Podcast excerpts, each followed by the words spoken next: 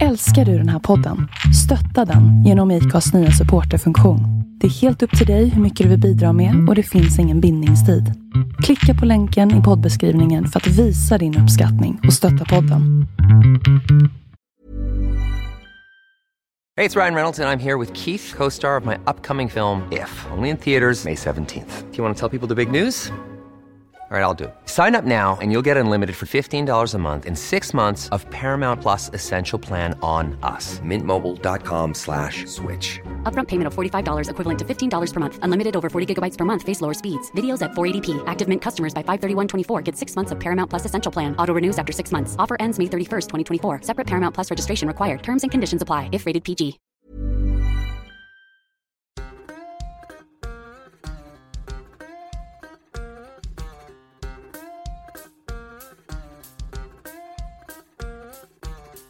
Nu är det så här att skogen i Dalarna anropar Stureplan för att plocka in den människan jag träffat som kanske är den mest olika mig eh, genom tiderna som jag har sprungit på.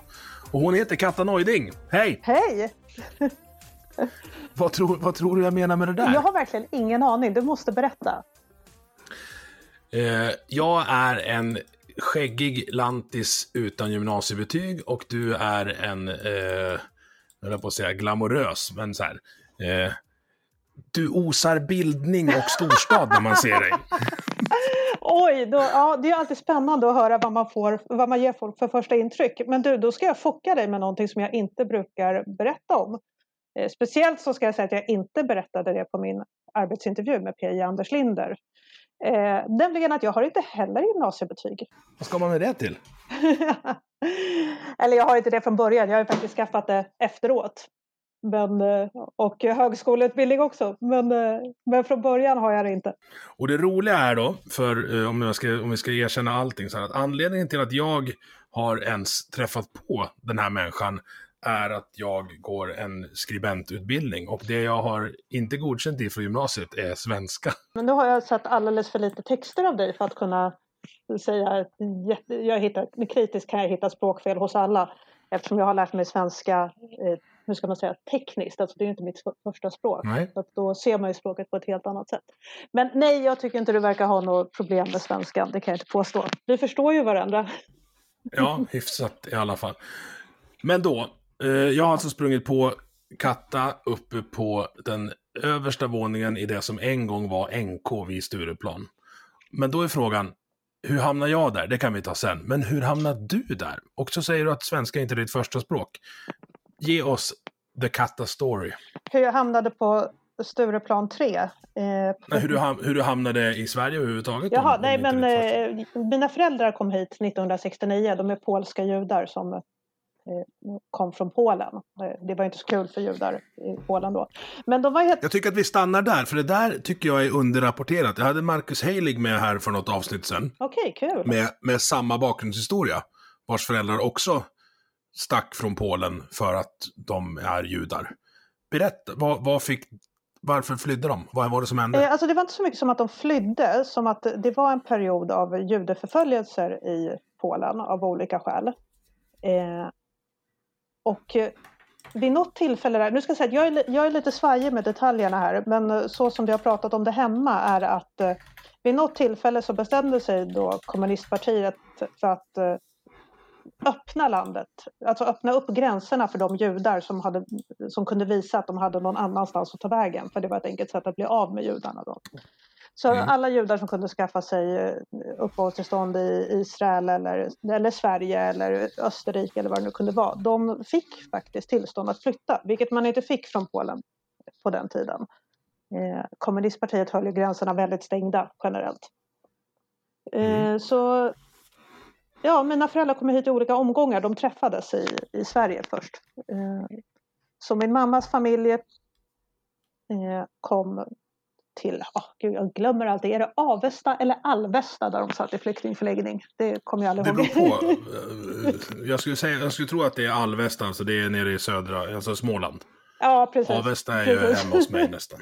Du, du inledde med att säga att ah, hon osar bildning och sen sitter hon där och bara, ah, är det Avesta eller Alvesta? eh, jo, nej men... Ja, så de kom hit först. Min pappa kom hit själv utan sin familj. De kom efter senare. Och för dem var det en chock att komma till Sverige från kommunistpolen. Bara det här att det fanns, inte nog med att det fanns mat i affärerna, det fanns valfrihet i affärerna. Det fanns godis. Det fanns eh, kanderad ananas pratar de väldigt mycket om, att, sån här som finns på burk. Att det var ju liksom det största de någonsin varit med om, att något sånt fanns att köpa i en vanlig affär. Mm. Eh, och inte bara en burk i taget. Nej, men precis. Eh, så ja. De kom hit. När jag föddes så kunde de inte svenska så bra än så de pratade polska med mig. Eh, och det var först när jag började på dagis vid femårsåldern som jag träffade andra svenska barn egentligen. Eh, mm.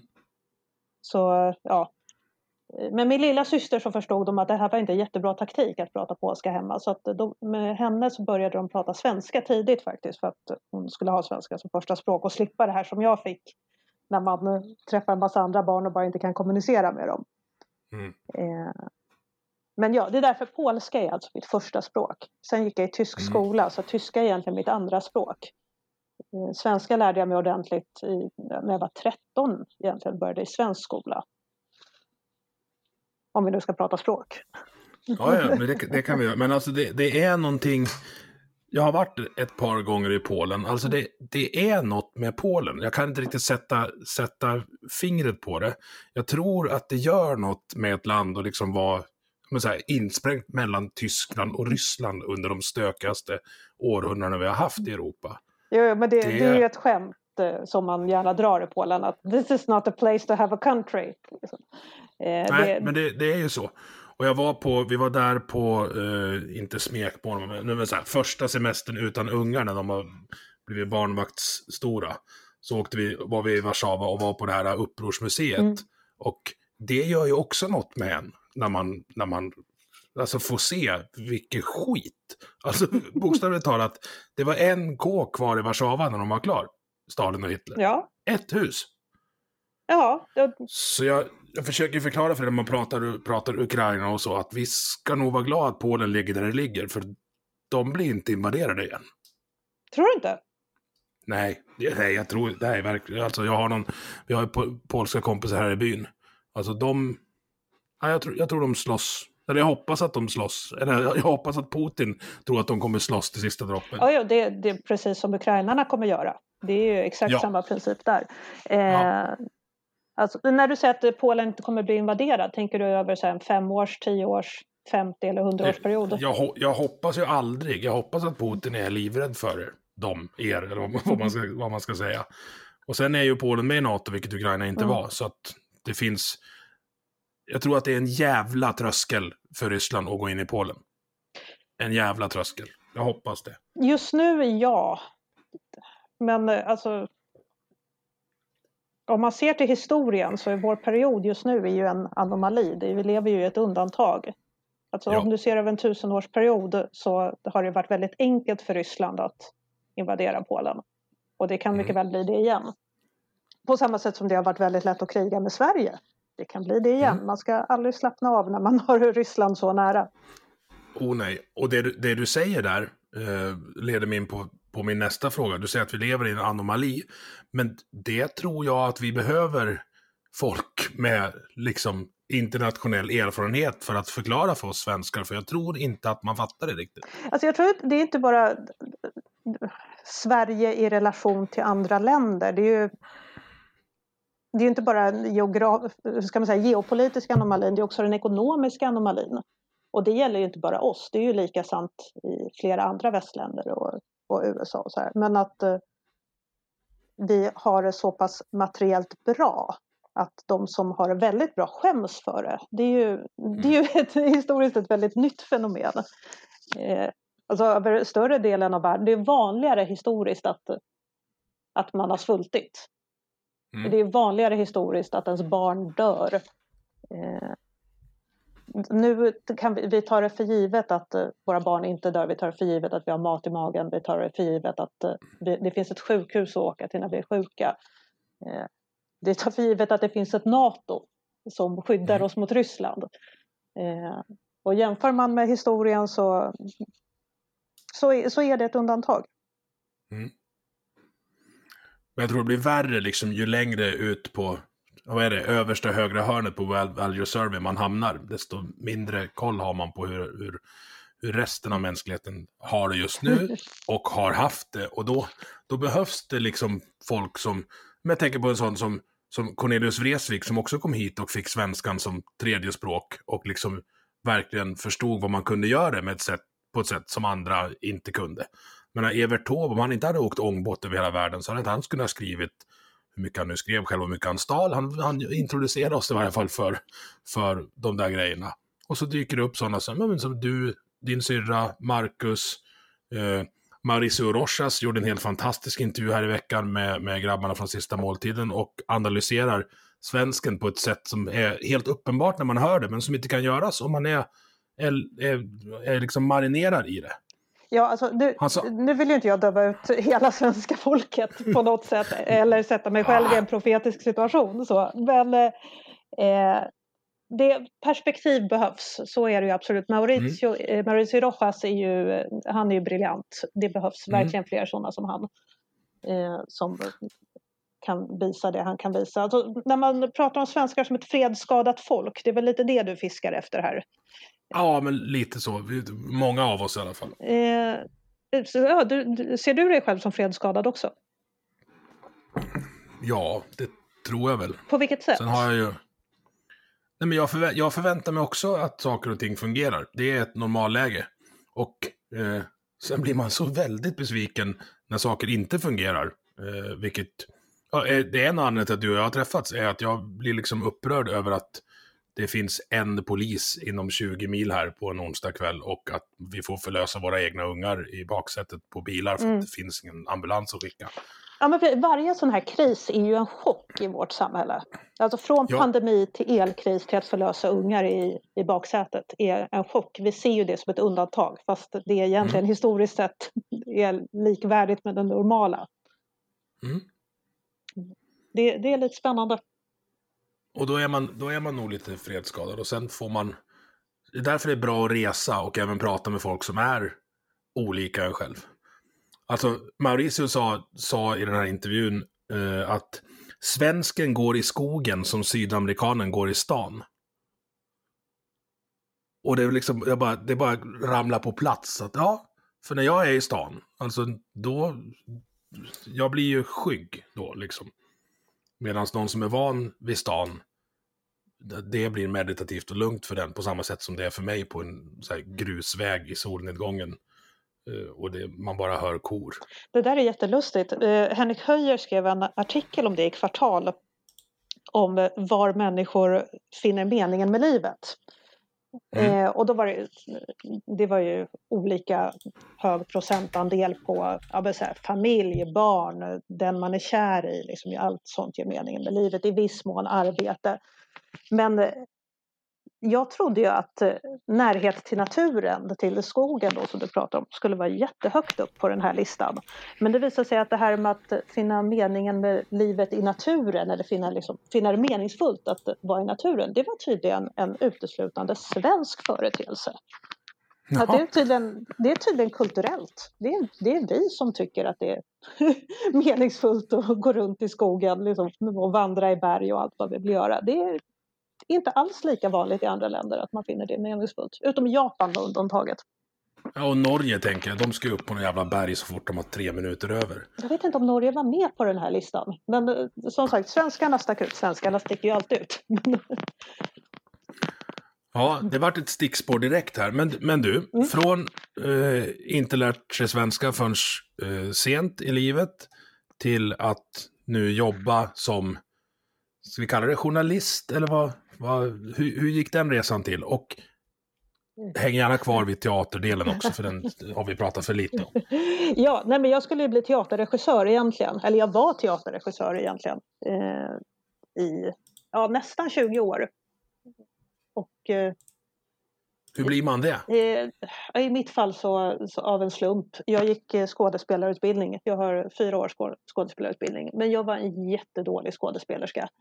Eh, men av en slump så tog jag ett regiuppdrag för att den regissören jag ville ha till den produktionen inte fanns tillgänglig. Och så ja, och i det ögonblicket så föll allting på plats. Det var, mitt huvud funkade så. Att eh, jag är bättre på att se, liksom pussla ihop helheten än vad jag är på, de, på att bara spela en roll. Mm. Eh, ja, men så gjorde jag det väldigt länge. Eh, jag både drev en teater inne i stan, jag drev Fjäderholmsteatern under två år. Och eh, ja, gud, det här är en jättelång historia. Kör, vi har tid. Ja, men det är en massa olika faktorer. Alltså dels så ska jag säga att jag älskar teater för att jag älskar den konstformen. Den är magisk på så många sätt. Det är helt underbart att ha en ensemble som man kommer så nära och som man lotsar fram till det här förhoppningsvis storslagna slutet då som är eh, produktionen. Eh, det är väldigt få i Sverige som faktiskt älskar teater. Det är väldigt många som använder den som ett medel för att berätta något helt annat. Det kan vara liksom allt från eh, så här, skildra barnens perspektiv till att Eh, flyktingarnas situation i Sverige till feminism, till hbtq, till det ena, till det andra med det tredje. Eh, mm. Och det här slogs jag väldigt mycket mot.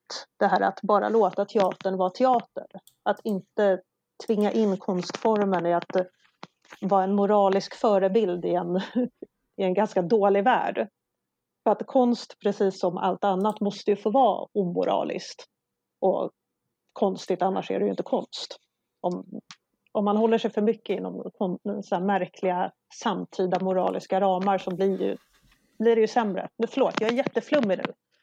Nej, men det, alltså, det här är intressant, för det här är också så långt bort från, från uh, min, min vardag som är. Alltså, är, är du säger att Alltså, ja, man kan uppskatta teater för att det är bra teater, inte för att de... För, alltså man, även om budskapet är någonting man inte håller med om. Ja, alltså, ja, precis. Den behöver inte ens ha ett budskap. Det kan bara vara ren underhållning. Det är det som är det fina. Eh, mm. Nej, men så att... Där var jag väldigt apart generellt. Och sen så, det är inte lätt i Teater-Sverige att vara uttalat borgerlig, som jag var. Eller liberalkonservativ, kalla det vad du vill. Jag tycker inte om egentligen av princip att bekänna mig till en ism på det sättet. Men eh, ja, i relation till resten av teater-Sverige så absolut. Eh, ja, nej men eh, det slutade vara kul till slut. Mm. Och eh, ja, då var det ju som tur att jag var ju gammal inbiten accessläsare eh, och var ytligt bekant med Katarina Onils Franke som var Eh, redaktionssekreterare på Access och så får jag höra på omvägar att hon är gravid och tänker att ah, hon ska säkert vara föräldraledig. så jag hör av mig till henne och bara du, jag vill vara din vikarie när du är borta. Ja. Och eh, ja, nej, men så ordnar hon en intervju då med PJ Anders Linder. Eh, mm. Och ja, då har jag jobbat med teater i alla år. Jag har träffat väldigt mycket kändisar, aldrig blivit starstruck i hela mitt liv. Förrän jag sitter där i intervjustolen framför P.J. Anders Linder som jag då har läst sen, ja, sen han var chefredaktör på Svenskan. Så jag sitter och rodnar och stammar och snubblar på mina egna fötter och ja, gör en massa konstiga saker. Men på något sätt så anställde han mig ändå som Katarinas vikarie. Och sen blev det ännu konstigare när Katarina kom tillbaka från sin föräldraledighet så blev erbjuden en tjänst på eh, Axon Jonsson-stiftelsen som alltså är den stiftelse som finansierar Access. Mm. Så jag blev kvar. Så ja. ja. och vad är då Access? Nu har jag hängt där en stund eh, med dig och även Katarina. Eh, nej, vad säger jag nu då? Jo, du sa ja. rätt. Jag blandar, blandar, alla heter Katarina eller Katta. Eller ja, precis. Man kommer eh, alltid undan med ja. att säga rätt. ja, men för de som inte vet vad det är, berätta om Access. Eh, Access är ett månadsmagasin och en tv-kanal. Eh, Tv-kanalen är Access TV. Den visar eh, dokumentärer och samtalsprogram eh, baserat på vår devis vetenskap, bildning och tradition. Eh, det här, det, Access mm. TV det är egentligen för folk som inte gillar att titta på TV. De gillar Access TV. Är, man blir klokare av att titta på det. Och eh, tidningen går i samma anda. Eh, det är samhälle, politik och kultur och en ganska rejäl eh, fackboksdel. Det är 100 sidor, nästan ingen reklam, eh, långa djupgående artiklar. Att vi går ju på djupet på ett sätt som många medier inte har en möjlighet att göra. Mm. Vi strävar inte efter att vara aktuella på något sätt utan vi, vi, vi skriver om det som vi tycker är intressant för tillfället.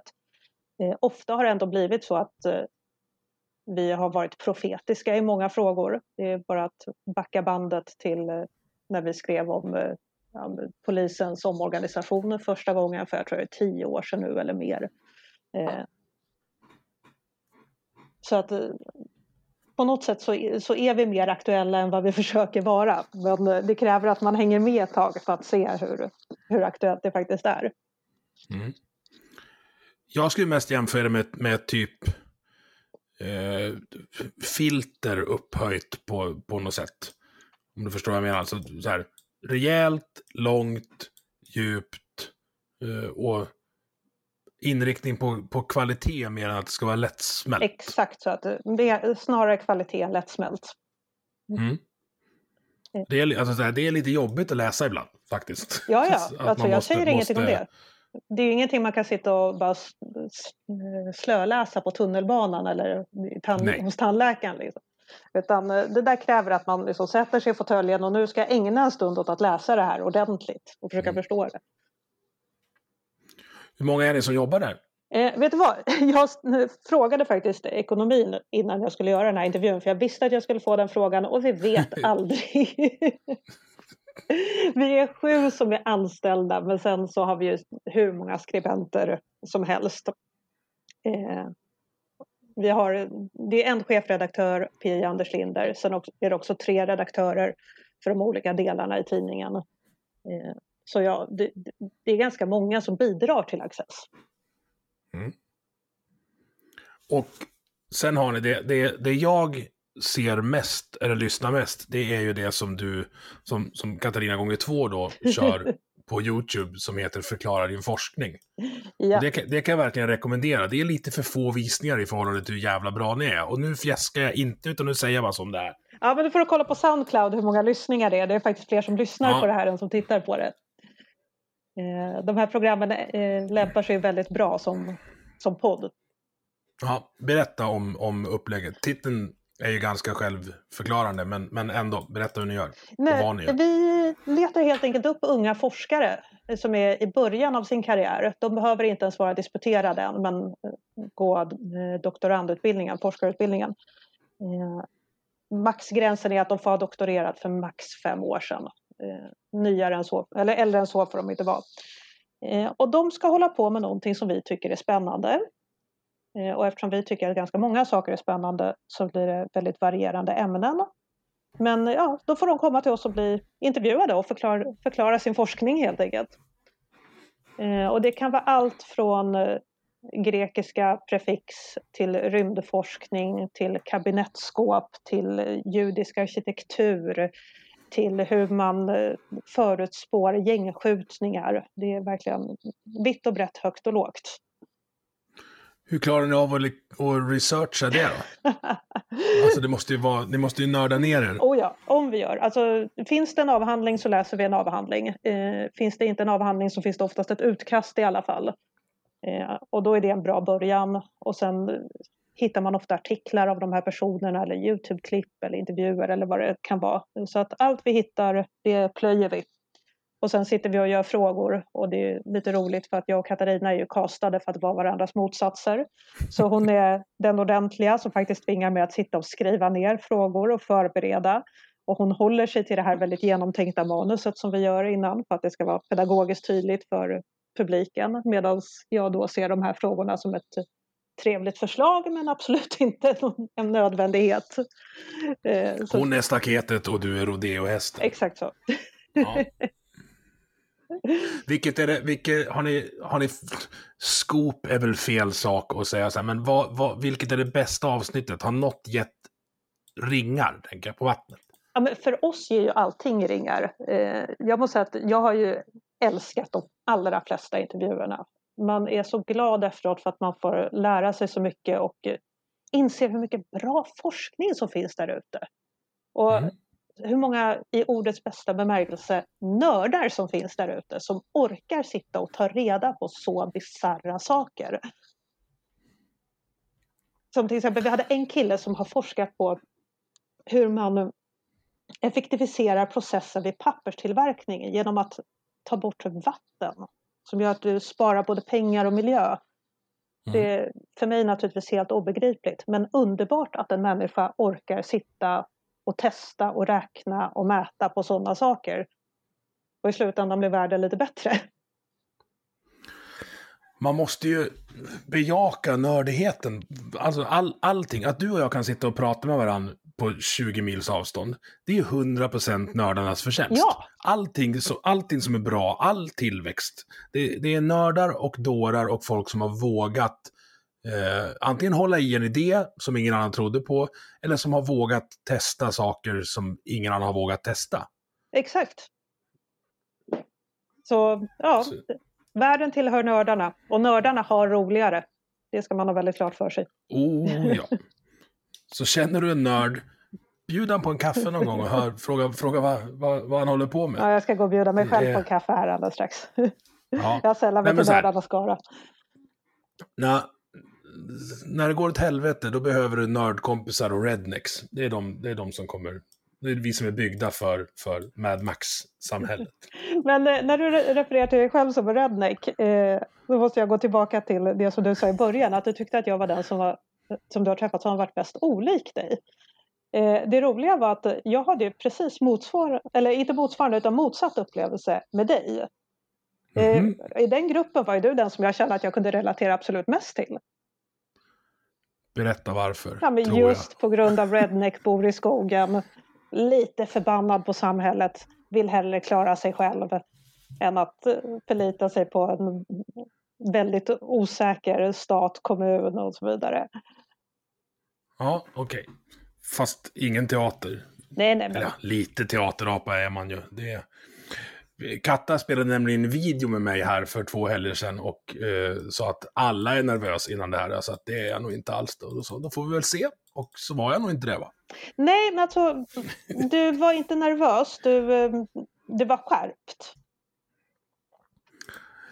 Ja, nu ska den här podden inte handla om mig. Men jag tyckte det där var... Det, nej, det var, det var väldigt roligt. Vi, vi satt alltså eh, i deras studio, Access Studio, och fick försvara en ledarartikel från en förment eh, aggressiv intervjuare. Det var, ja, det var roligt. Det var, kände mig som att det där kan jag göra igen.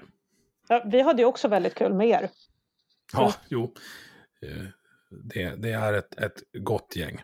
Men även fast det är min podd så handlar den här om Katanoiding och inte mig.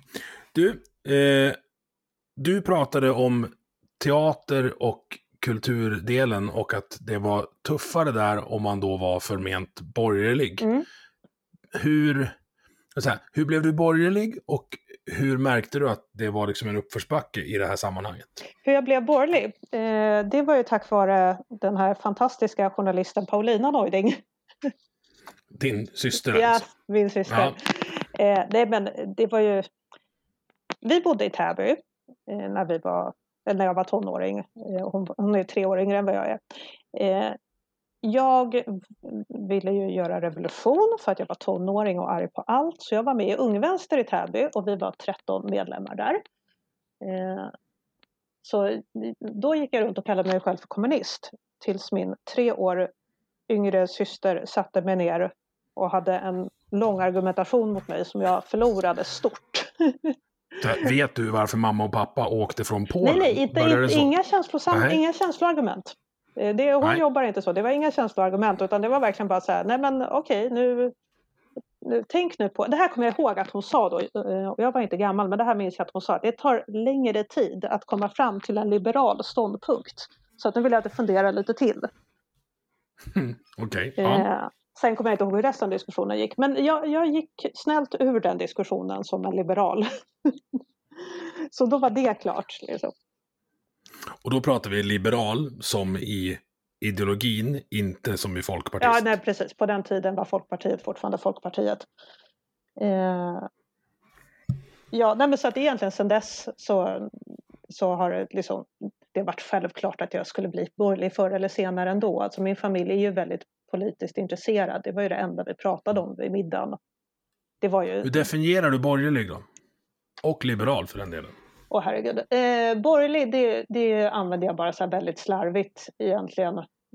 Man skulle kunna använda det väldigt specifikt men jag använder det slarvigt som ja, men, röstar höger, känner sig höger.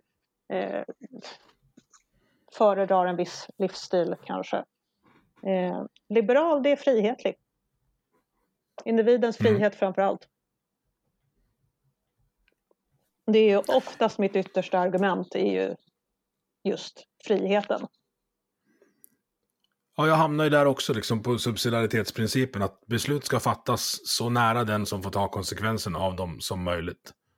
Sen tycker jag inte att individen är den högsta auktoriteten i varje givet ögonblick utan jag tycker generellt att det är familjen. Så Ja. att man ska gärna underkasta sig där. Men annars så individens frihet. Ja, och individualism förväxlas of- ofta med egoism. Och det är det ju inte alls, utan det är klart att det ska finnas kollektiva eh, och så här, föreningar och sammanslutningar. Men de ska inte tvång, man ska inte tvångsanslutas till. Exakt. Och hur, när, när du då dryftade de här eh, synpunkterna vid fikabordet på teatern, hur, hur togs det emot? Alltså det var lite roligare än så för att eh, jag tror inte folk fattade i början eh, att, att det var en helhet. Liksom. Att det var, folk kopplade på att jag hade så enstaka udda åsikter i vissa frågor som att jag inte gillade att betala skatt. Liksom. Eh, men eh, sen var jag med i ett nätverk som eh, heter Rödvinshögern som jag inte vet om du känner till. Det är med Lars-Anders och gänget. Exakt, eh, det var Ja. Lars-Anders och Katarina Onils som grundade det. Eh, Lars-Anders som också varit med i podden. Jag ska titta vilket avsnitt det är. Det var ett jävla bra avsnitt, även fast han är, han är AIK-are, men det får man leva Ja, jag med vet, det är kanske hans sämsta sida. Men annars är han Ja. en av mina favoritpersoner i världen. Ja. Eh, jo, nej, men han hade det här nätverket Rödvinshögen. Jag var naturligtvis med där. Och så vid något tillfälle när vi hade kommit upp i ungefär 100 medlemmar. Jo, det var ju så chockartat det här att det fanns så pass många inom kulturvärlden som faktiskt röstade höger om sossarna. Det här var alltså Mm. enda kriterierna för att vara med i Rödvinshögen. eh, var att man jobbade med kultur och röstade höger om sossarna. Eh, men då så fick DN Kultur nys om det här och ville göra en artikel om oss. Så de eh, bad att få intervjua fyra medlemmar ur nä- nätverket. Och det slutade med att det var bara jag och Lars som kände på det här, vågade ställa upp. Alla andra Mm. kände att det skulle kosta deras karriärer för mycket. Eh, men så vi var med i ett stort mittuppslag i DN Kultur. Så, och liksom kom officiellt ut som höger trots att vi jobbade med kultur. Och den dagen som det numret av DN släpptes så gick ju min telefon varm av folk som försökte tala om för mig att eh, jag inte alls är höger. Jag har fel. Mhm. För att jag är faktiskt en snäll person. Jag gillar djur. Jag gillar hbtq-personer. Alltså kan jag inte vara höger. Det var där den intellektuella nivån låg. Det där är så konstigt, så jag vet inte riktigt var jag ska börja. Eh, Så att undertexten är ju på något sätt att högern är ond. Och eftersom folk som Ja. kände mig visste att jag inte var genom ond så måste det vara att jag var puckad och inte förstod att jag faktiskt inte var höger. mm. då, då kokar det ner till det här, så här är, du, är du mest arg på mig för att jag vill bestämma över mig eller för att jag vill att du inte ska bestämma över mig? ja, Men jag sitter och kollar här när jag skulle ta reda på när Lars-Anders var med. Alltså jag tror att jag blev höger någonstans i höjd med avsnitt 13 när Lars-Anders är med. För eh, efter Lars-Anders så kommer trion Rickard Axdorff, Per-Ola Olsson och Aron Flam. Och sånt sätter ju spår. Så du menar att din podd har påverkat dig i negativ eller i positiv riktning? Remains to be seen, liksom vart, vart jag hamnar någonstans. Det är tack vare podden som jag har träffat dig och det är ju positivt, måste jag säga. Men det är väl ändå Och- tack vare Svenska nyhetsbyrån? Jo, men det är ju, det är ju Per-Ola som såg till att jag sökte det. Jag hade ju ingen aning om att det fanns ens innan jag intervjuade honom. Och jag hittade honom via en podd med Jens Rundberg, där han lanserade de tre olika delarna av högen. Som då är operahögern, eh, som jag skulle säga är du, skränhögern, som jag skulle säga är eh, eh Jomshoff, och banjohögern, som då är jag. Ja, fast jag känner mig som banjohöger. Ja, jag blir lite förvånad över det. Fast samtidigt så kom min Spotify Wrapped igår där det visade sig att eh, min mest lyssnade artist i år var ju tydligen Puccini. Och det, jag är 0,1 procent som har lyssnat på Puccini mest i Sverige. Ja, du ser, jag är, är mer en Mozart-kille där. Ja, eh, Mozart hade jag mest förra året. Ja. Eh, Rondo alla turka på, på dubbelxylofon. Alltså det är det sjukaste. Det är så mycket hårdrock så det jag brallar av. Det är så bra. Då blir jag, då blir jag glad i bilen. Fast jag var punkare när jag var tonåring, vill jag bara ha med för diskussionens skull. Men vilken typ av punkare var du då? Nej, var du men- en sån definitivt 50 spänn tjej som Ja. inte, inte kunde... Ja, förlåt. Ja, Men- det var jag med, fast inte tjej. Så det, det är lugnt. Men, Jag tycker fortfarande att Sibylla med Hans och Greta är stor lyrik. att 50 spänn igen, tjej i Täby, det är faktiskt ganska storslaget. Vi var typ Ja. två stycken som ja, kunde utbyta liksom, musikidéer med varandra. Så att, eh, det, det, var, det, det följs inte lätt liksom. Men är det inte så att, att högen är det nya punken nu? Alltså Jo. jag tänker på så här, gymnasievalen och allt det här.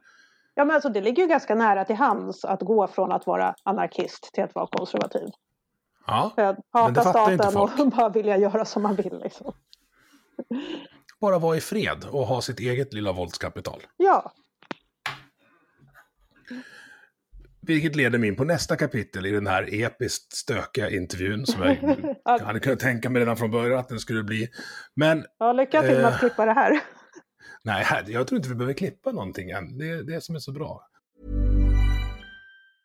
Quality sleep is essential. That's why the Sleep Number Smart Bed is designed for your ever evolving sleep needs. Need a bed that's firmer or softer on either side? Helps you sleep at a comfortable temperature? Sleep Number Smart Beds let you individualize your comfort so you sleep better together. JD Power ranks Sleep Number number 1 in customer satisfaction with mattresses purchased in-store. And now, save 50% on the Sleep Number limited edition Smart Bed for a limited time. For JD Power 2023 award information, visit jdpower.com/awards. Only at a Sleep Number store or sleepnumber.com. Hey, I'm Ryan Reynolds. At Mint Mobile, we like to do the opposite of what Big Wireless does. They charge you a lot, we charge you a little. So naturally, when they announced they'd be raising their prices due to inflation, we decided to deflate our prices due to not hating you. That's right. We're cutting the price of Mint Unlimited from $30 a month to just $15 a month. Give it a try at mintmobile.com slash switch. $45 upfront for three months plus taxes and fees. Promo rate for new customers for limited time. Unlimited more than 40 gigabytes per month. Slows. Full terms at mintmobile.com. Eh, vad fan var jag då? Det här behöver jag dock klippa. Vad pratar vi om? Vi pratar om Täby. Jo, så Banjohöger här. versus operahöger. Nej, punkare i Täby Mhm. leder mig in på kulturkriget. Okej.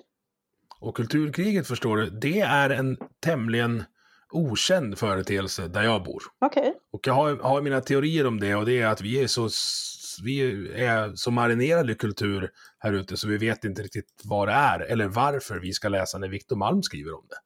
Men vad menar du när du säger kulturkriget? Folk tenderar ju att mena lite olika saker. Ja, eh, det är ju det jag menar, att jag har ingen aning om vad kulturkriget är. Utan jag läste Viktors text när han tillträdde på Expressen Mhm. eh, om att det saknas eh, män från landsbygden på kultursidorna. Och jag satt och läste det här på en brygga i sommar i väntan på en, på en fest. Så jag har druckit en pilsner och sen kommer Siljansnäs nya kyrkbåt roendes upp för älven full med unga landsbygdsmän. Som sitter i en Alltså, det blir ju inte mer kultur än kyrkbåt. I varje fall inte här. Nej, jag förstår vad Alltså, du det- menar. Det, det är ny- finns ingen svensk kultur. Jo, Jag skojar, herregud. alltså, lugn nu Mona. Nej, men, så här, och, ja, och det där är ju, det där fattar ju folk här ute att, nej men det är klart det finns. Men varför ska vi bråka med, med någon om det? Vi ror vår kyrkbåt, vi slår världsrekord i små grodorna, vi sparar i bästa fall ihop till en full, alltså en, en komplett Leksandsdräkt för mig skulle kosta, ja, ett par månadslöner. Uh, och, men jag vill ha en sån någon gång. Så någon gång ska jag se till att, att liksom lägga, lägga pengarna på det. Ja, men det är klart Och att det- du ska ha en sån, för det är en länk rakt ner i din egen historia. Om det inte Ja. är kultur så vet jag inte vad det är. Men varför ska då någon här ute lägga tid på att skriva om det här för någon som inte förstår det? För antingen är det kultur som, som eh, finkulturmänniskorna inte förstår, eller så är det fulkultur. Ja, eller så är det faktiskt finkultur som finkulturmänniskorna missar. Alltså till exempel har jag precis gjort två säsonger av en tv-serie som heter Bruken som byggde Sverige. Eh, Om Sveriges järnbruk. Det är ju lite samma typ av kultur som din Leksandsdräkt och din kyrkbåt. Att eh, det finns överallt. Det är en så självklar del av vår historia. Sverige skulle inte vara det Sverige är idag om det inte vore för järnbruken. Men det är liksom inte tillräckligt intressant för att lyftas på kultursidorna till exempel. Utan det krävs lilla nördiga Access TV som ska orka gå runt och gräva i sånt. Men vad är då kulturkriget för mig som, som står utanför det? Ish. Ja, vad är kulturkriget? Alltså äh, kulturkriget är ju att kulturen har blivit det politiska krigets nya plattform på något sätt. Mm. Att, eh, alltså till exempel syn på arkitektur definierar ju dig politiskt. Det är ju en del av kulturkriget. Ja, vilket är ju jättekonstigt. Ja, visst är det det. Alltså, det är ju alltid på något sätt en avart så fort eh, man försöker blanda in politik i kultur kan jag tycka. Men eh, tyvärr har, är det ju så det har blivit. Att du tar ju ställning för det du tycker genom kultur. Eh, Och om det är någonting som jag verkligen önskar så är det att kulturen kunde få vara fri från politiken. Att politiken tar fram det sämsta i oss. Kulturen har förmågan att ta fram det bästa i oss. Om vi bara låter Ja. den. Hur idkar man motståndsrörelse då? Alltså är det, är det att försöka skapa själv opolitisk kultur? Eller vad, Jag vad antar det, men eh, så här. Om vi, definier, om vi definierar oss själva som höger och generaliserar lite så ligger det på något sätt inte i vår natur att organisera någon sorts försvar mot detta eller liksom, någon stor revolution. Eftersom vi alla är individualister och bara vill verka på oss själva på något sätt. Jag generaliserar väldigt hårt nu. Mm. Eh, alltså arkitekturupproret är ju en väldigt spännande rörelse. Det har ju, nu menar jag inte arkitekturupproret nödvändigtvis som den här Facebook-sidan som det är, men bara den här att det kommit ett nytt stort intresse för klassisk arkitektur. Det är ju väldigt intressant att man har lyckats lyfta den frågan så pass mycket. Och kunde man få något liknande för, för teater och för opera och för konst så skulle ju det vara helt fantastiskt. Ja. Hur det ska ske det kan jag inte svara på. Nej, och det, jag vill stanna kvar lite. Det är lite svårt att vara eh, radikal, radikalt konservativ. Alltså hur ser ett konservativt första maj-tåg ut? Vad står det på plakaten? Nej men det finns inget första maj-tåg för kons- någon men så här- konservativ för de är lediga, de är hemma och tar hand om sin Ja. familj. Men det ju stå så här, lugn nu, tänk efter, en sak i taget, max, helst ingen sak i taget på, på plakaten. Ja. Det är ingen som blir upphetsad över det. Nej. Nej men det är ju det, alltså vänstern har ju generellt en mycket bättre retorik än vad högern har. De lyckas ju vara underdogs fast de har styrt landet i 82 av de senaste 100 åren. Ja. Det är fan taktik alltså. Det är, mm, Ja, det var ju otroligt snyggt faktiskt nu hur man jobbade med Magdalena Andersson för där kunde man slå rekord i sin favoritgren, det här att vara i opposition mot sig själv. Mm. Eh, att det var ju så smart att man la in Magdalena Andersson som partiledare och statsminister ett år före valet för då kunde man ju på något sätt låtsas att hon var ny och det gamla var någon annans fel. precis, att hon var finansminister innan, det, det, nej, men det glömmer vi. Ja, ja, men precis. Eh, ja, nu kommer jag in på ett av mina andra favoritämnen, hur man spinner saker i media. Och det, där, Ja. där måste jag säga att det, det var... Sossarna är bra på det där. Väldigt bra. Men de blir inte synade, tycker jag. Alltså jag vet inte vad det beror på för att jag tror inte att någon inom media kan gå på det här som de lägger fram. Jag förstår att vanliga människor går på det. Jag tror att eh, Magdalena Andersson gick hem väldigt väl. Mm. Men eh, nej, jag förstår inte hur man inom media resonerar när man inte bara, hallå, ser ni inte att det här, det här är ju ett skådespel? Nu är ju politik oftast ett skådespel, ska man ha klart för sig. Men eh, just här var det så himla tydligt hur man hade jobbat. Jag anar ett litet skifte där. Jag eh, såg det som tydligast när Expressen konfronterade Damberg över felciteringen av det här, visserligen ganska klantigt formulerade Johan Persson om en sak före valet och en sak efter valet. När han står och, och stammar och säger någonting i stil med så här, ja, jag vet att jag felciterar han, men, men jag tycker att det jag låtsades att han sa innan valet stämmer överens med det jag har missuppfattat om vad han säger nu efter valet. Ja, nu ska jag säga att jag har inte sett det här som du pratar om Nej. men, men jag förstår precis hur du menar. Och det, alltså i en, i en fungerande, eh, om tredje statsmakten gjorde sitt jobb fullt ut så skulle man inte komma undan med det. Nej, fast eh, det är ju inte uteslutande ett svenskt fenomen att politiker kommer undan med sånt här. Nej, men vad ska vi åt det då? Ja, alltså i den bästa världen så skulle vi ha ett organ som granskade den här typen av medielögner betydligt hårdare. Mm. Jag vet inte vem som ska göra det. Nej, men jag har tänkt på det där mycket nu när jag varit, när vi, vi har ju varit runt på en del tidningar med det här och, och, och alltså kursen och pratat om det. Det är ganska konstigt att det bara är 45 minuter på P1 på söndagar som granskar hela media-Sverige. Det är lite i underkant. ja, men för att egentligen, det bästa vore att man skulle ha något motsvarande Youtube-konto egentligen. Som varje gång en politiker har uttalat sig i media kan sätta sig och gå igenom att, retoriskt vad personen egentligen sa. Medieträningsmässigt vad man kan tro att personen vill uppnå med det här. Så analysera kroppsspråk. Tror vi att personen ljuger eller inte? Liksom, något sånt där. Men, Mm. ja, Vad sa de för ett år sedan? ja, precis. Det finns ju några, det finns ju några sådana episka intervjuer som man kan kolla på på YouTube, typ Morgan Johansson debatterar med sig själv. Mm. Det är så roligt. De har klippt ihop två intervjuer med han med, med 18 månader emellan, när han liksom har kört 180 grader flera gånger. Alltså, med det sagt, jag tycker inte att det är fel när politiker ändrar sig.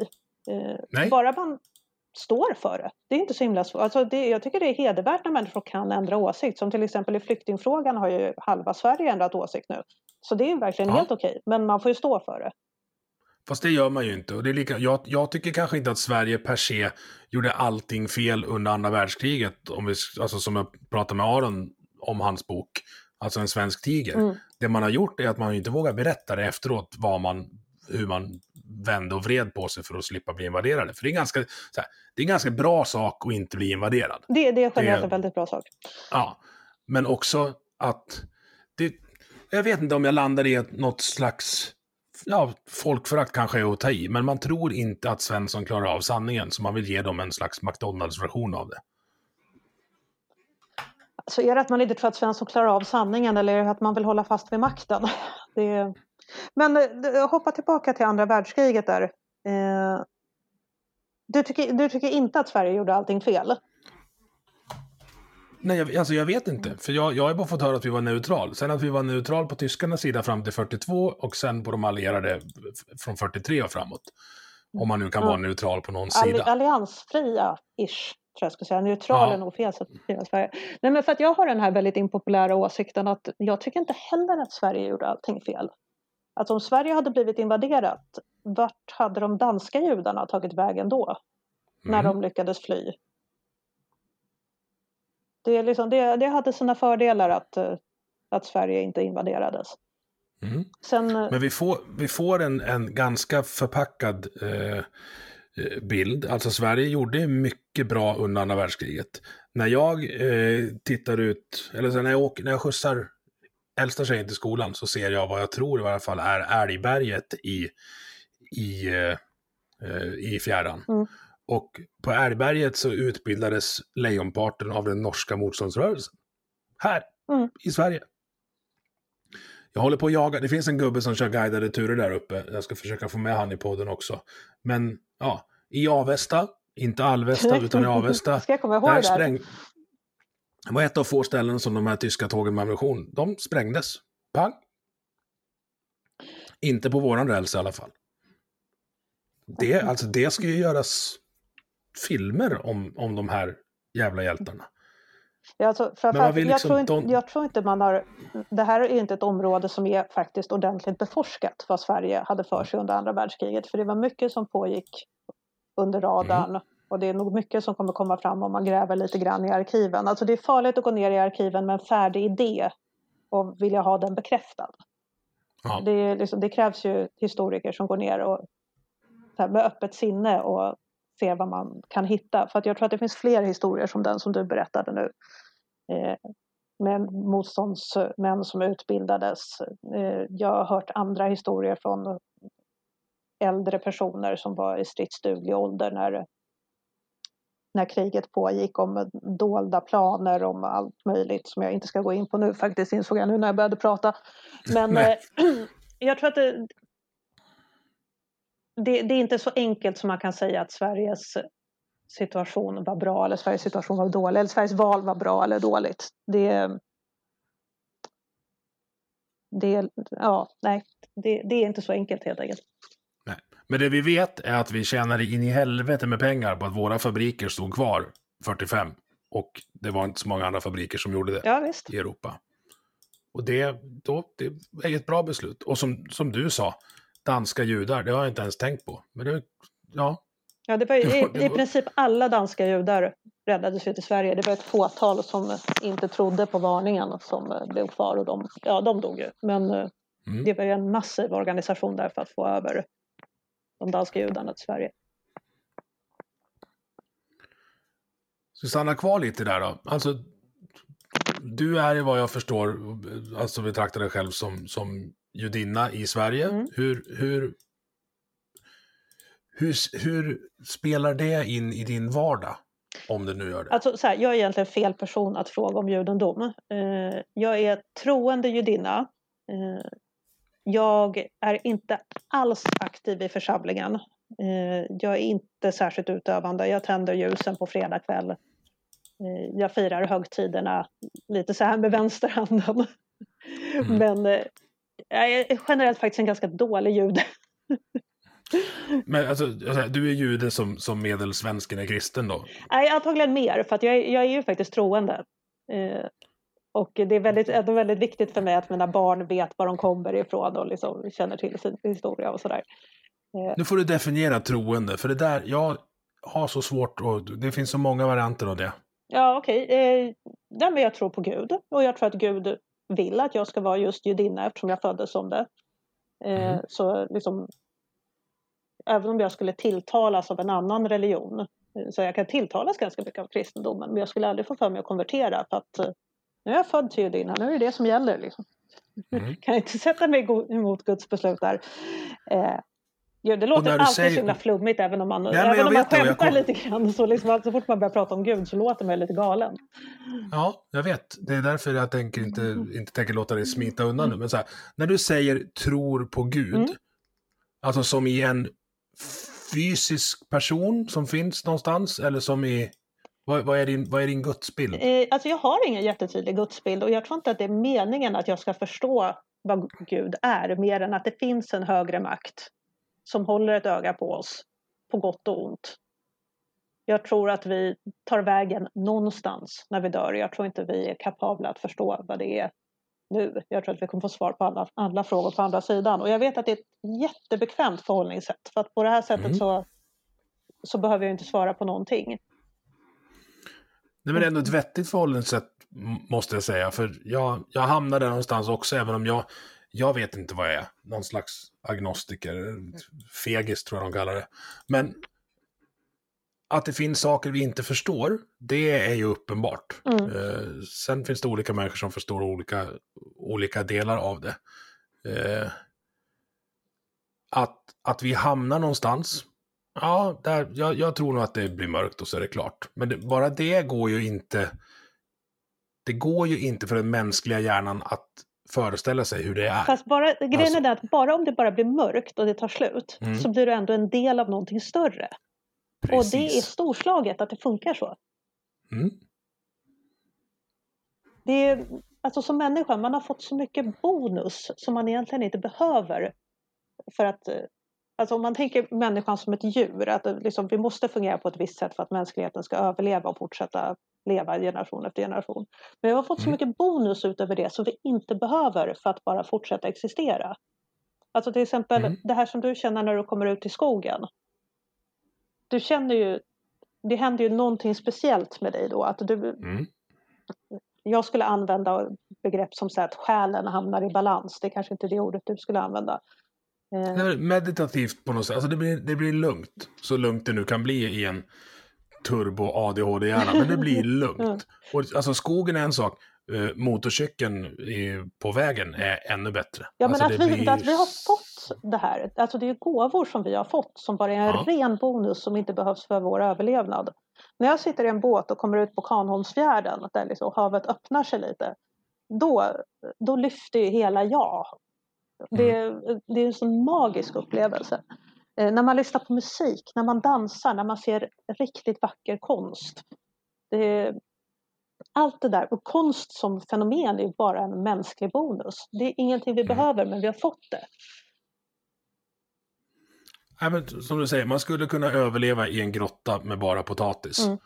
Eh, Men det är ju kanske...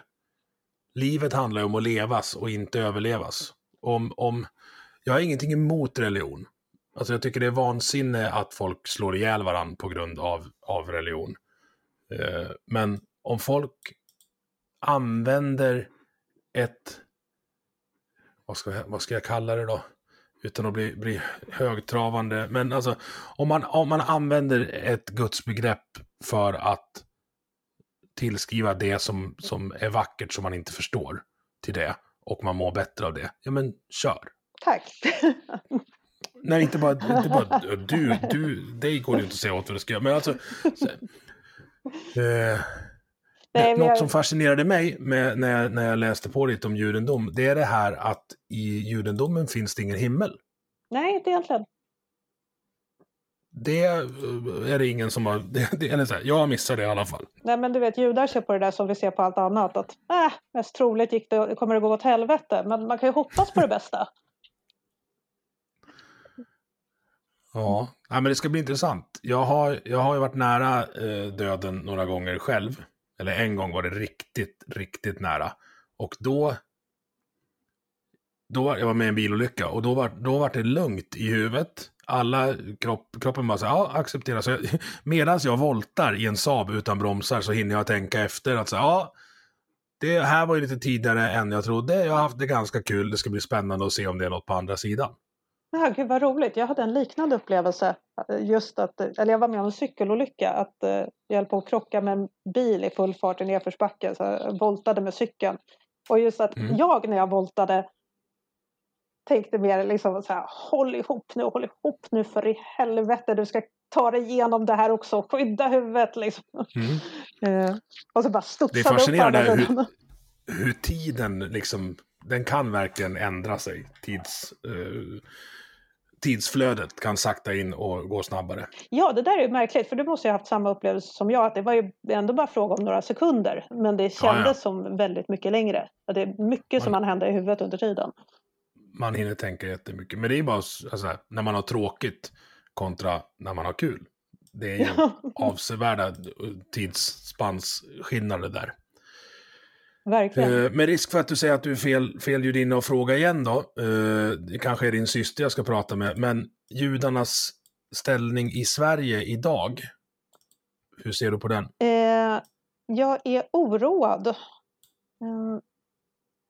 Eh, nej, men där är nog jag rätt person att fråga egentligen, för det här har jag funderat väldigt mycket på. Eh, oh. Nu sitter jag och funderar på vad jag kan säga som faktiskt kan sändas sen. Eh, innan valet så gjorde jag en testfråga på en massa människor bara för att se vad de skulle svara. Eh, att om jag uppriktigt oroar mig för att Sverige ska bli ett land som är omöjligt för judar att bo i. Vilket parti ska man rösta på för att det inte ska hända? Mm. Eh, att jag ställer den frågan, det finns ju ett skäl till det. Jag är uppriktigt oroad. Eh, och det...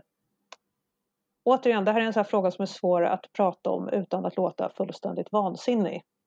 Hade du frågat mig på 90-talet, hur är judarnas situation i Sverige? Finns det någon antisemitism? Då hade jag sagt nej, det kan jag inte föreställa mig. Det är så himla tabu att vara antisemit. Liksom, så att, nej, jag har aldrig stött på någonting. Eh, nu stöter man ju på antisemitism. Nu bär inte jag min Davidstjärna annat än på jobbet och hemma. Eh, ja, det, det är det korta svaret på din fråga. Mm. Hur, sugen är du på följdfrågor då? Nej men kör så får vi se. ja, nej men alltså så här. Eh, ja, vad svarade folk på frågan då inför valet? Ja, väldigt olika. Eh, no ja. Någon sa du ska rösta på Socialdemokraterna, det är de enda som har kraft att göra något åt det här. Ja, andra sa att du ska rösta på Sverigedemokraterna, det är de enda som förstår problemet. Ingen sa åt mig att rösta på Vänsterpartiet, men jag tror jag fick alla andra partier. Mm. För problemet som jag, som jag förstår det är ju att det är uh, islamism som är det liksom stora antisi, antisemitiska blocket. Eh, inte bara. Alltså med islamism, då pratar man ju om eh, så extrem islam. Eh, ja. Men tyvärr så är det ju så att många som kommer från Mellanöstern, vare sig de är moderata muslimer eller islamister, har ju faktiskt fått med sig i modersmjölken att eh, Israel är ett fruktansvärt land och judar är fruktansvärda människor. Mm. Eh, och det är liksom på samma sätt som vi har fått med oss i modersmjölken att haha, norrmän är lite roligare än vad vi är. Alltså förstår du? Det, ja. det är bara en kulturell grej. Det här är ju ingenting som jag säger för att jag inte gillar muslimer eller människor från Mellanöstern utan det är liksom det är vad det är. Det, det går inte att komma ifrån att de, de uppfostras på det sättet i många av de här länderna, även om jag naturligtvis generaliserar. Och jag har flera goda vänner både från Iran och Irak som inte är på det här sättet. Men de vittnar ju mm. också om att de tänkte annorlunda när de var yngre. Och sådär. Eh, men sen så är det ju, alltså den här Israel-Palestina-konflikten gör ju också att eh, många som ser Israel som förövare i den konflikten tenderar ju att eh, låta sina, eller sin syn på Israel gå ut över svenska judar också. Mm. Jag har försökt närma mig den där från, från så många håll. Nu är du hyfsat part i målet, men jag, jag pratade med en, en, eh, ja, en, en, kompis från Stockholm som har varit eh, han var någon slags FN-soldatsbefäl i, i Libanon och har liksom varit där nere som varken eh, arab eller jude. Jag bara så här, men så här, berätta för mig vad, vad problemet är och hur man ska få ordning på det och liksom vilka är bad guys här. Och han kan inte säga något. Alltså det, han har ingen lösning på det för att det är så jävla infekterat på så många olika nivåer så, så ja. Ja, det där sitter så någon... djupt i så många generationer och ja, jag är part i målet, men det är jag har på något sätt förbundit mig till att ständigt försöka söka sanningen överallt mm. där den finns att leta efter. Och det som det, det kokar ner till är ju att eh, om palestinierna lägger ner vapen då har vi inte en konflikt längre. Om Israel lägger ner vapen, då har vi inget Israel längre. Därför att på ena sidan så finns det en explicit målbild att man vill utplåna staten Israel. Staten Israel har ju inte en sån målbild. Med det sagt så har man ju från israeliskt håll gjort bort sig väldigt många gånger. Men ja. inte på ett sätt som jag ser som jämförbart med hur man har gjort bort sig inom situationstecken på den andra sidan. Men det här är en helt annan podd. Det här kan man ju sitta och prata om i två timmar. ja. Bara det. Alltså, finns det ens någon lösning på problemet? Det är det, jag är ju lösningsorienterad som bekant. Alltså ja och nej. Alltså en realistisk lösning? Äh, nej. inte, inte de närmaste 50 åren i alla fall, det kan jag inte se. Nej. Men så här. Det finns vissa tecken som tyder att det över en 50-årsperiod faktiskt skulle kunna se annorlunda ut. Och då tar vi diskussionen igen. Ja. Nej, oftast när man pratar lösningar så här, men FN får ordna det. Och bara, Nej. FN är den mest korrupta organisation. Alltså den, ja. Och Israelfientliga organisation. Ja, men vi gör så här. Om ni, vi tar och läser lite Inga-Britt Ahlenius så kan vi prata FN sen. Mm. Eh, är liksom mitt, mitt råd till, till alla dem. Här tror, jag tror inte alls vi skulle hamna här. Nej, det trodde inte jag heller. Jag bara, Men jag det- bara det svarar på att du frågar mig om Ja, det är bra. Eh, vad är det som gör att vissa journalister, eh, jag tänker kanske på dig, dig och syrran, är orädda? Där man tittar på fakta och sen rapporterar man det man ser och det man bedömer har hänt och vad det får för konsekvenser. Medan andra inte riktigt vill ta i saker som är jobbiga. Eh, jag kan faktiskt inte svara på det. För, för, alltså jag vill bara säga för diskussionens skull nu så att det ska vara lite ordning här. Att jag, jag är ju inte journalist. Definitivt inte på det sättet som min syster är. Som eh, eh, ju har gjort ett vansinnigt bra jobb över de senaste decennierna där. Och det säger jag faktiskt inte bara för att jag är hennes syster. Jag är, också, Jag är också inte- hennes Jag är inte hennes syster och jag kan hålla med. Eh, så här, för mig finns det inget alternativ. Jag tycker alltid i alla givna lägen att det kostar mer att inte säga vad jag tycker och tänker och inte leta efter sanningen. Ja. Eh, jag förstår inte människor som funkar på ett annat sätt. Jag tycker det är jättemärkligt. Eh, Nej, men då blir du att- inte journalist, då är du ju aktivist och har liksom valt eh, kanske slutsats innan du börjar göra research. Som du sa att man inte ska göra om man ska ner i biblioteket till exempel. Ja, eh, i arkiven. Ja, precis. I det är arkiven, det. ja. Det är ju, ja, precis. Det är ju det. Man måste ju hela tiden vara beredd på att få obehagliga svar på svar man inte vill ha. Mm. Eh, Hur, hur ser din egen eh, mediekonsumtion ut? eh, Access, i princip. Ja. Access och kvartal. Ja, okej. Eh, och typ alla ledarsidor, alla borgerliga eh, ledarsidor. Hur gör du då för att inte hamna i en filterbubbla? Ja, men jag är i en filterbubbla. Det går inte att komma ifrån. Ja. Alltså, så här, jag håller min Facebook helt öppen. Jag har fortfarande alla mina gamla teaterkompisar kvar så att jag matas ju ständigt med så här med, med vänsterartiklar och vänsteråsikter. Eh, och, ja. Så jag, jag ser ju att det finns. Eh, och hade jag varit en bättre människa hade jag kanske ägnat lite mer tid åt Aftonbladet. Men mitt blodtryck mår inte bra av det. Så, Vet du, jag tvingar mig själv att lyssna på eh, Åsiktskorridoren och en runda till varje vecka. Åh herregud, hur klarar ditt blodtryck Ja. det? Jag gör det när jag är ute och kör lastbil, så då kan jag tuta och peka finger åt folk. nej, men alltså, det är, nej, men jag, jag vill inte hamna i en filterbubbla. Jag vill hålla koll på, på eh, jag vill stilmana allihopa. Jag vill höra de bästa argumenten från alla håll och kanter.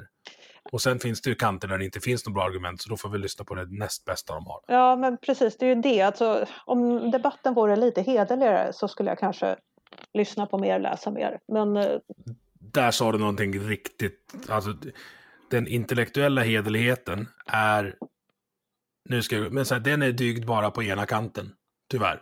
ja, tyvärr inte ens över hela den kanten. Men här finns, Nej, det, åtminstone oh en här finns det åtminstone en diskussion i frågan. Ja, Men jag tror att det var lite det här som jag var inne på tidigt i vår diskussion, att man från vänster gärna ser högern som ond. Och det Mm. låter som en jätteprimitiv analys, som att eh, det bara är en ursäkt liksom, för, för att eh, inte komma överens. Men jag tror att det ligger något i det. Mm. Och att i och med att eh, de ser oss som onda så är det ju moraliskt riktigt att ta fighten med alla medel. Precis vad jag ska komma till. Det, det, då finns det, alltså så här, ondskan kan bekämpas på alla nivåer med alla vapen. Och det är Precis. fortfarande rättfärdigt. Precis. Så det är livsfarligt att börja betrakta den andra sidan som ond. Eller till och med som, inte ens som korkad skulle göra. Utan du måste, det var lite därför jag startade den här podden. Den här startades vid, vid förra valet för att det var så jävla less på partiledardebatterna. Att ingen svarar på någon fråga. Mm. Och det har inte blivit bättre. Nej, nej, men det är, ju, det är ju så medietekniken ser ut, att man inte svarar på frågor utan man säger det man vill säga. Eh, Ja, men jag- tycker inte vi ska låta dem komma undan med det. Det är väl liksom min patos in i det här. för jag tänker mer att jag tror inte att de vinner på den tekniken egentligen. Alltså alla som ser en så här partiledardebatt innan valet, för jag antar att det var något sånt du satt och tittade på och Ja, blev vansinnig för att eh, ja. de har sina talepunkter som de vill återkomma till hela tiden och upprepa. Men Mm. Alltså så här, I vissa fall, som när vi pratade om Magdalena Andersson tidigare, eh, hela hennes stil och hur man har jobbat med henne som person, det tror jag folk generellt gick på. Däremot när man ser partiledardebatter så tror jag att de allra flesta människor blir väldigt trötta på det de ser. Mm. Så att det inte Men är hon är ändå bra på att vända och vrida på det och komma till sina talepunkter. Vad var det, Stefan Löfven fick en fråga eh, om invandringen och fick den att om du är så rädd om kvinnor, varför vill du att de ska tvingas att jobba deltid? Va? Vad s- Ja, säger just det, jag du? kommer ihåg den där. Det, ja. Han, han var ju ett mysterium överlag hur han hamnade i den positionen. det finns många mysterium. Eh, Min, mitt favorit är hur man kan slarva bort transporten, Transportstyrelsens digitala register och sen bli digitaliseringsminister. Det, den är fan- också väldigt spännande. Och att det, det är inte så blev en jävla större grej. ballsy och, och ens våga göra det. Att det inte blev en större grej, att det inte blev ramaskri. Jag sitter Mm. fortfarande och väntar lite grann på hur många sådana här grejer kan hända innan, innan det bara blir revolution. Vi ska se till att jag får den där praktiken på svenskan så ska jag se till att det blir det. Ja, du, Men du... du- vill ha Sven, eh, den Svenska nyhetsbyråns praktikplats där? Jajamän. Ja, men då håller vi tummarna för det. Ja, hoppas det. Det här samtalet försvann åt alla håll och kanter på ett bättre sätt än jag trodde. Okej. Jag gillar när det är lite stökigt. Ja, jag svarar bara på frågor helt snällt. Ja, det är bra. Jag hoppas att jag inte trycker in dig i några hörn där du inte ville vara. Jag är i alla fall evinnerligt tacksam över den här timmen, Gatta. Ja, men tack själv. Jag har haft jätteroligt. Jag ska säga apropå att trycka in i hörnet som man inte vill vara. Liksom, när man pratar Israel-Palestina-konflikten, den diskussionen kan man ju inte vinna. Eh, så att, eh, jag, jag inser att eh, vad, jag än sa, jag vad, jag, mig- vad jag än sa där så, liksom, så är det ändå vad det är.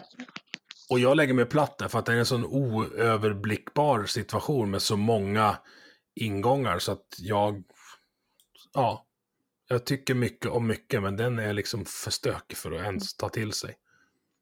Ja, men eh, jättetack för att eh, jag fick komma hit och orera lite. Vi tar den där diskussionen om den någon gång när vi ses istället. Men tack så mycket. Nu ska du få återgå till ditt arbete. Tack så mycket. Ha det så bra. Du har lyssnat på Vi måste prata som produceras av mig, Emil Nilsson. Tycker du om det du hörde? Dela avsnittet med dina vänner och på sociala medier. Vill du stötta podden kan du göra det via Patreon där du hittar den på patreon.com snedstreck vi måste prata i ett ord. Eller så swishar du en slant till nummer 123 671 46 79. Vi hörs!